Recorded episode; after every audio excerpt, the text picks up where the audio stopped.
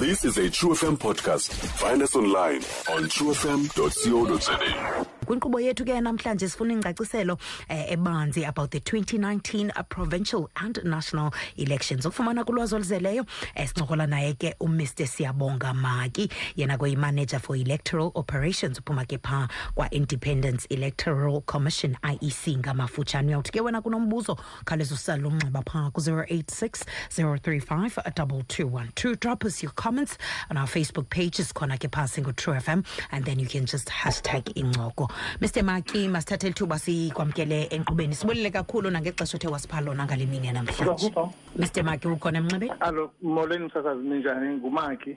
yes yes mr Okay. maki ndiyakuva Yes, are you having a hard okay. time hearing hearing me Yeah, yeah, yeah.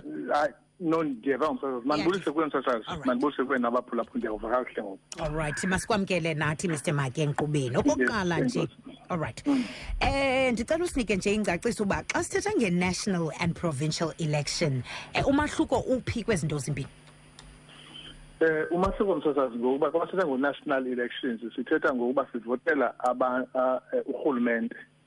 Sivotela umbutho in fact because xa uvota uf- udibana ne-ballot paper kufika kukho im- im- imibutho phaya e- edwelisiweyo. Now ufumana i-ballot paper zibe mbini.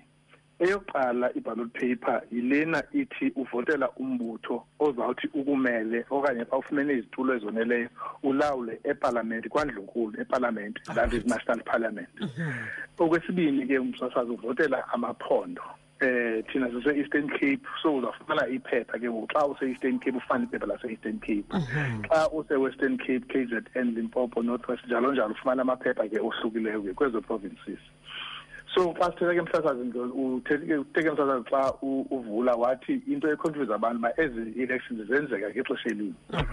Allright allright eh zenze- zenzeka ngexesha elinye msasazi ewe kuba ke imeko imele uba ibe njalo. And apha eMzantsi Afrika ke sisazenza eh ngexesha elinye ezi ezinye. Then kube khona ezinye ezilandelayo local government.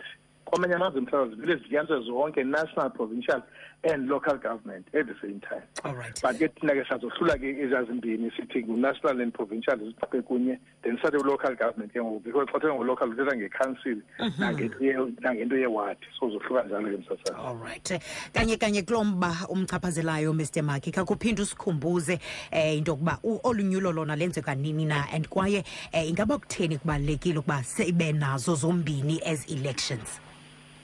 Eh msasazi i-elections zika-national and provincial elections eh zenzeka ngomhla wesibhozo kuMay 8th of May eh 2019 eh upresident sayithilo kodwa upresident silindele ukuba kule veki zayo athi ke ngoku ngokusemthethweni kuphume le nto kuthiwa i-government gazette. Into esemthethweni e- e- e- incwadi uxwebhu uxwebhu olusemthethweni oluthi ngenene ngenene umhla we-elections.